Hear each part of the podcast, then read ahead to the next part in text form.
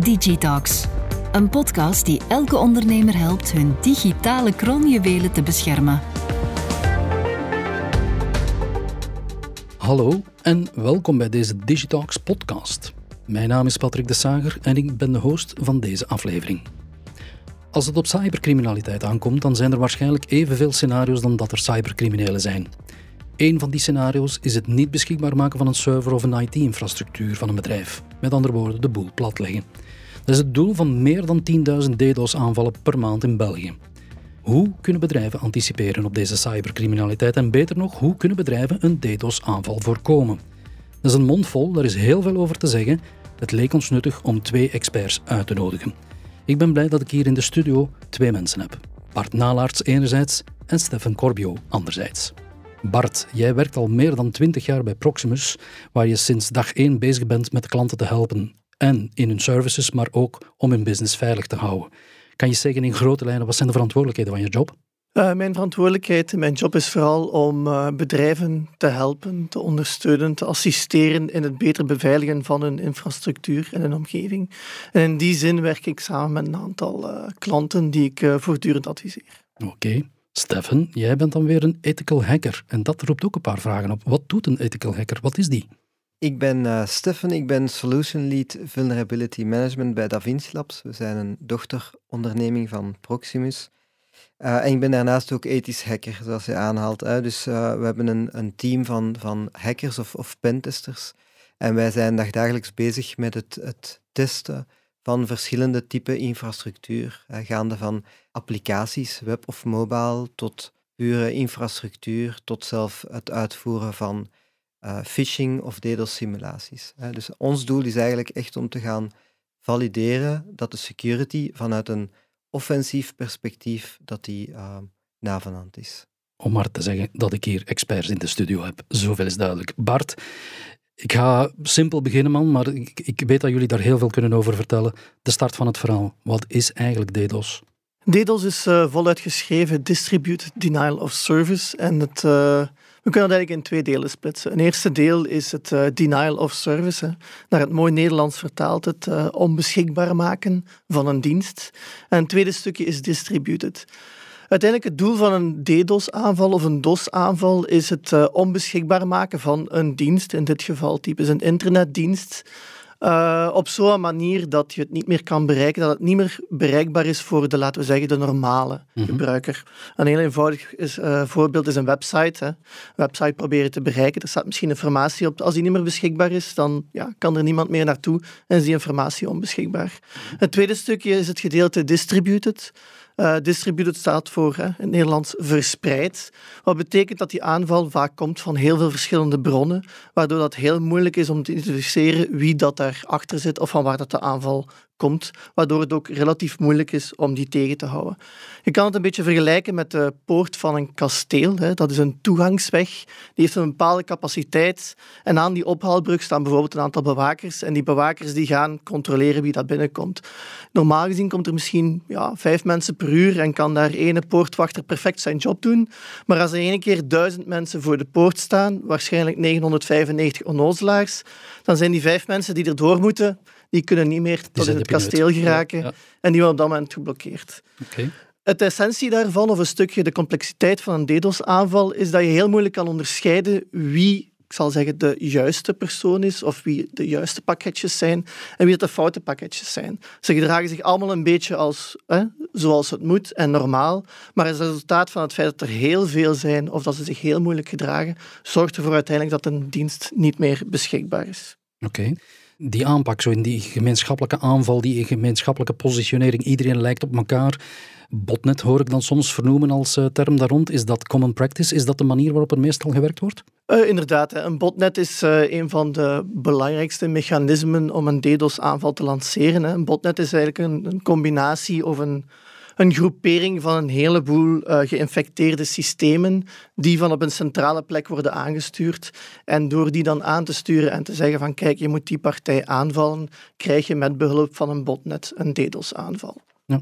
Um, DDoS-aanvallen, overbelasting van de infrastructuur, het is al gezegd, met een hoeveelheid aan connecties die dan gelanceerd worden van op verschillende plekken.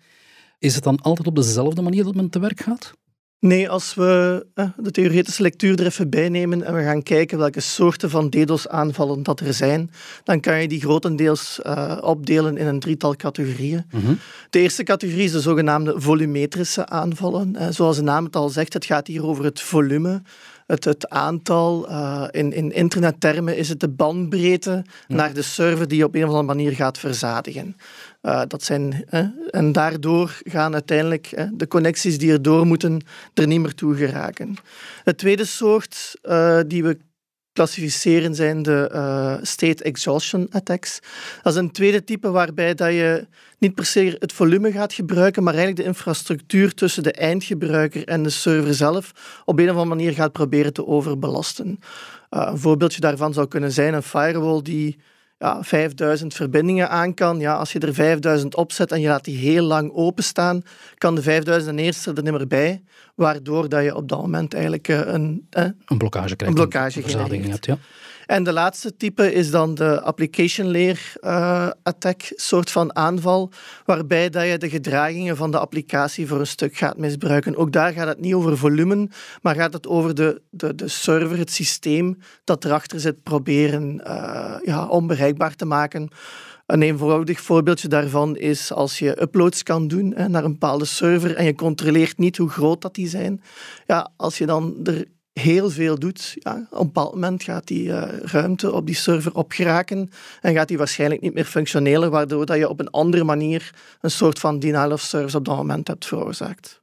Je hebt nu drie soorten opgenoemd. Zijn er tendensen in op te merken de laatste tijd?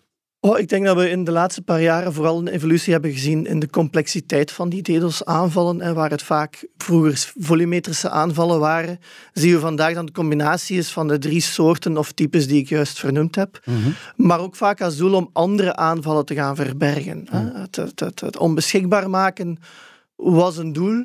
Maar er komt meer en meer een doel bij om andere aanvallen te gaan verbergen, waardoor dat het veel moeilijker wordt voor security teams om die zaken te gaan uit te halen en te gaan detecteren. Net omdat de criminelen die dingen gaan combineren dan. Inderdaad. Ja, ja.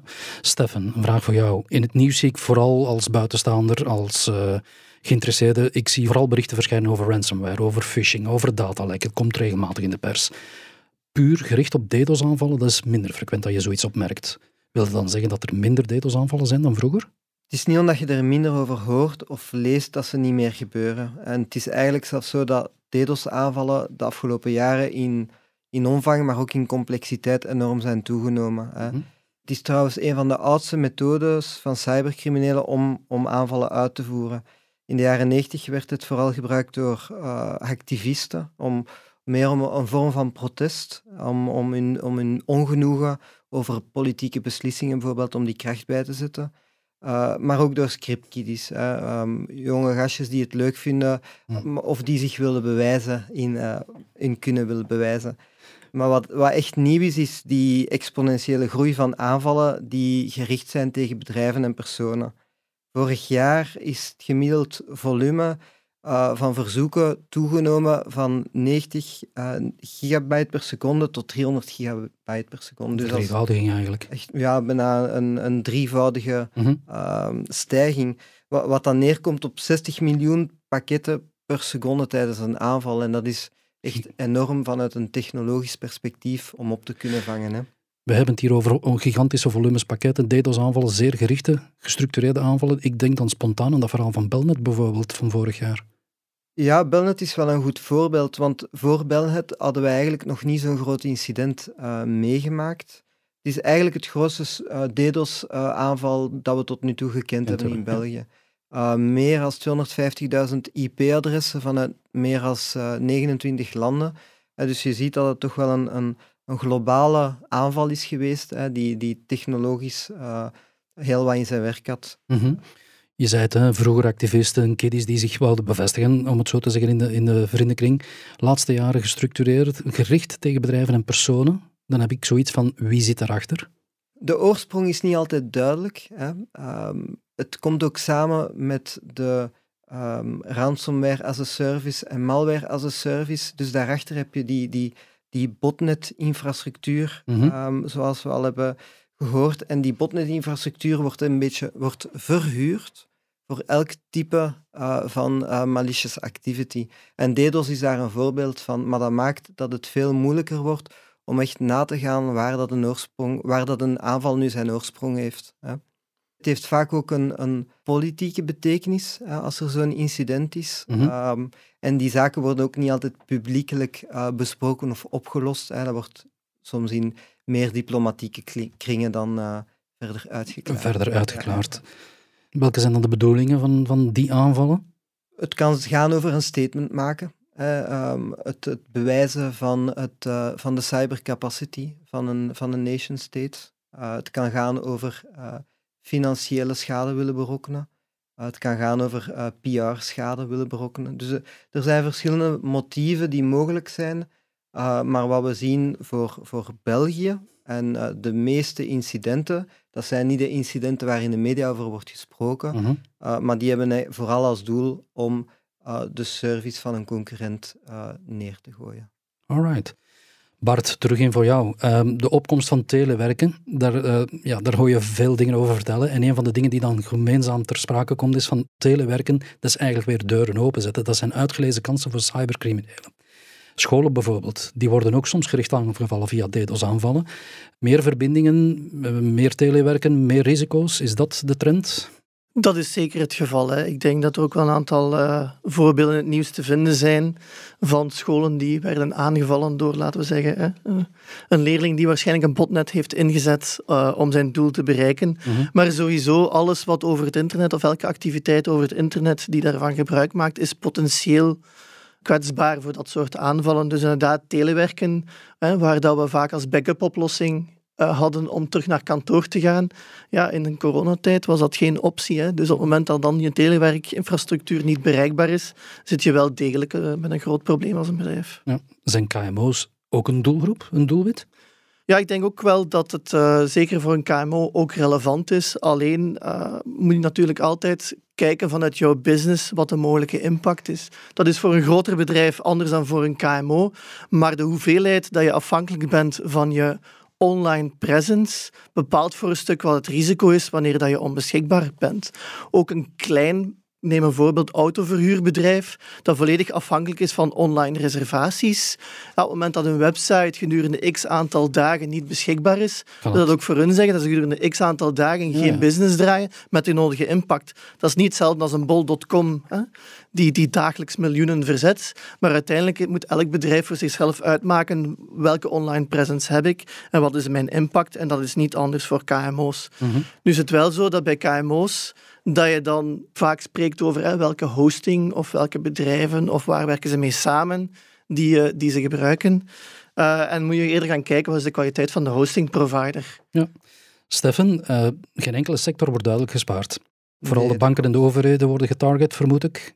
Dat klopt, absoluut. Um, de banken en overheid, dat zijn ook de, de sectoren die heel visibel zijn naar de buitenwereld toe. Maar daarnaast heb je ook uh, zaken zoals uh, sectoren zoals de gezondheidszorg, um, de, de handel en het onderwijs, um, waar dat uptime van systemen echt wel levensbelangrijk is. Hè. Een uh, downtime van, van belangrijke componenten in een ziekenhuis, ja, dat, heeft, dat kan impact, impact hebben op, ja. op een mensenleven. Hè. Ja. Uh, en, en ze zijn allemaal doelwitten en, en aanvallen worden steeds groter en de complexiteit van de aanvallen neemt ook toe.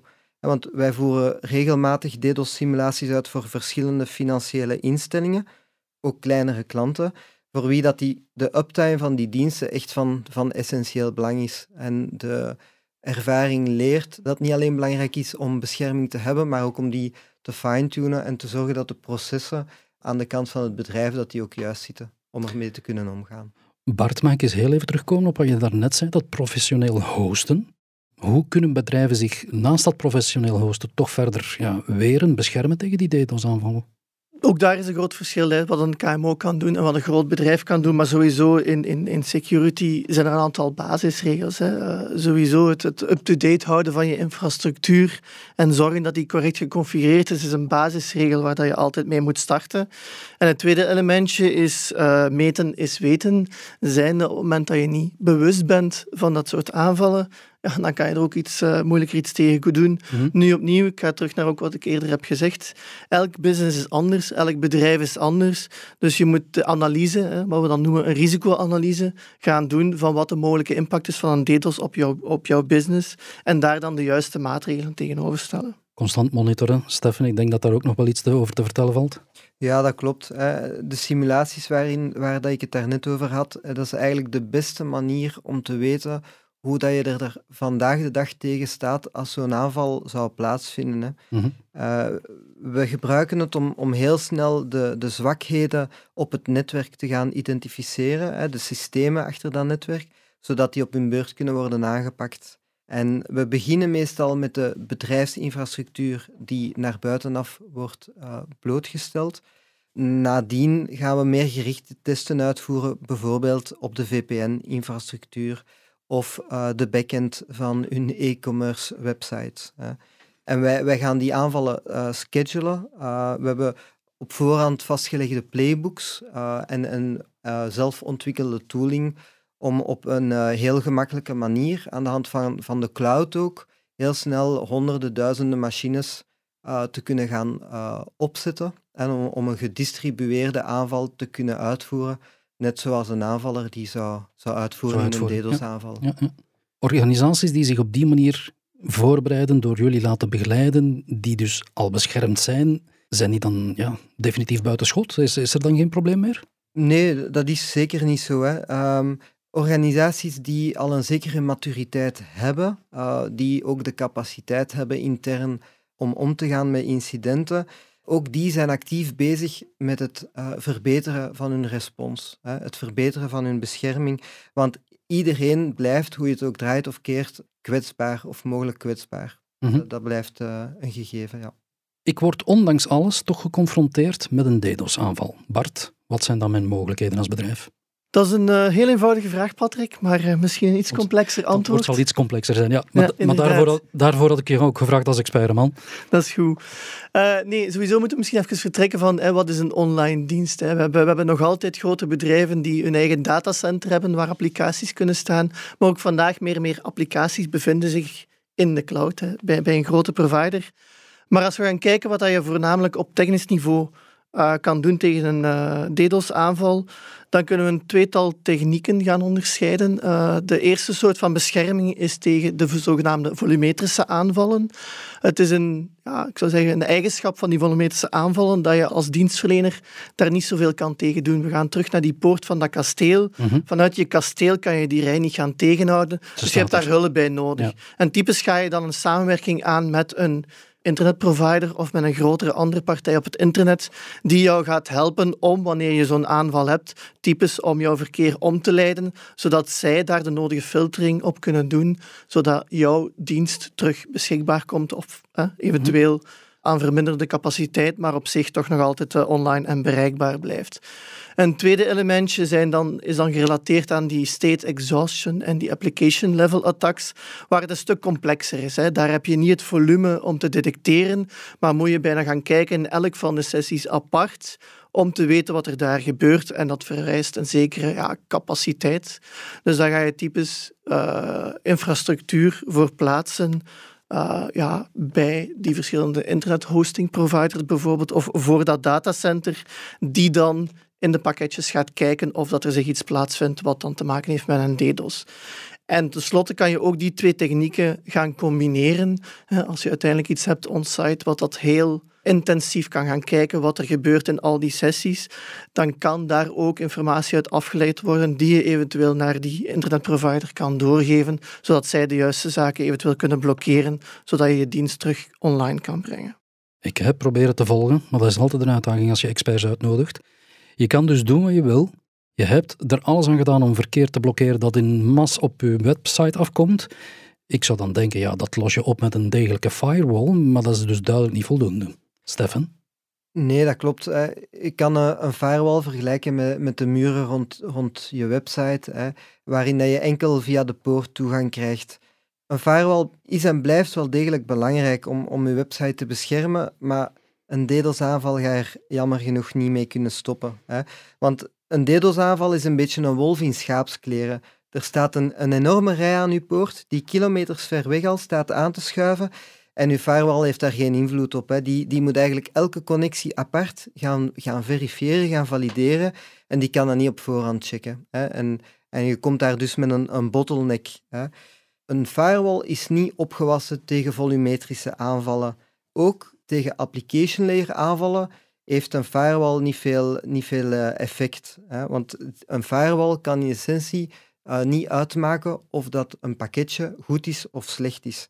Op, op applicatieniveau gaan we eigenlijk vooral de logica van de applicatie en de achterliggende componenten gaan targeten. En dat kan zo'n firewall uh, moeilijk uit elkaar halen. Mhm. En daarnaast uh, is er ook het probleem van capaciteit. Een firewall moet die pakketjes individueel valideren. Op een bepaald moment gaan er meer pakketjes zijn dan de threshold dat die firewall kan, kan gaan behandelen. En dan zie je, zit je met het probleem dat er heel veel mensen gaan moeten beginnen wachten vooral dat zij aan de beurt komen. En dat finals als de firewall ook dat niet meer aan kan. Absoluut. Ja. Het blijft een, een wikken en wegen van de beste ingrepen. Welke zijn dan de gouden tips die je toch kon, nog kan meegeven aan de luisteraar van deze podcast? Ja, zoals alles is uh, voorbereiding eigenlijk het belangrijkste. En in de security-wereld spreken we dan over een risicoanalyse de, de items die vandaag aan bod zijn gekomen, bespreek die eens met uw, met uw IT-dienst en, en ga eens na wat dat, dat voor jouw business, voor jouw bedrijf zou betekenen. Hè. Als wij nu gedurende een, een halve dag of een dag offline zijn, welke impact heeft dat op onze business? Dat is de vraag die je moet stellen. Stel kritische vragen en ga op zoek naar oplossingen. hè. Mhm. Wat dat wij ook altijd meegeven is, identificeer uw kroonjuwelen. Wat is het belangrijkste component voor uw business? Dat is het component dat je gaat willen beschermen tegen uh, DDoS-aanvallen.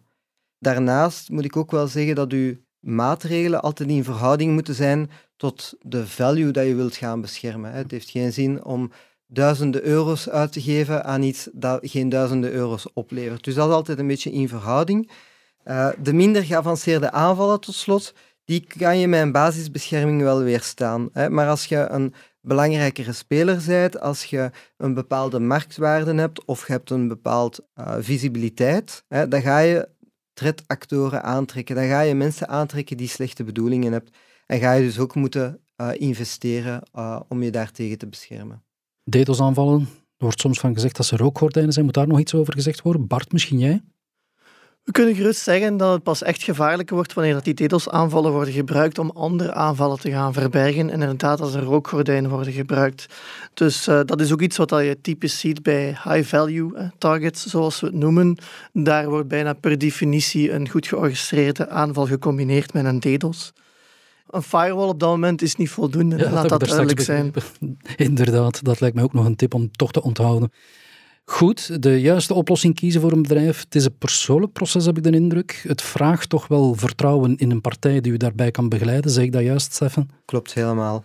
Bedankt allebei voor deze verhelderende, uitgebreide uitleg. Bedankt Bart. Graag gedaan. Bedankt Stefan. Bedankt dat wij hierbij mochten zijn vandaag. Dat zal er nog wel mankeren, man. Dank u, beste luisteraar, voor het beluisteren van deze podcast. Uw reacties en vragen zijn altijd heel welkom via proximus.be/security. Laat het ook na deze podcast duidelijk zijn, wij staan altijd klaar met onze filialen en onze partners om u verder te helpen. Op proximus.be/security trouwens vindt u ook alle andere afleveringen in deze reeks.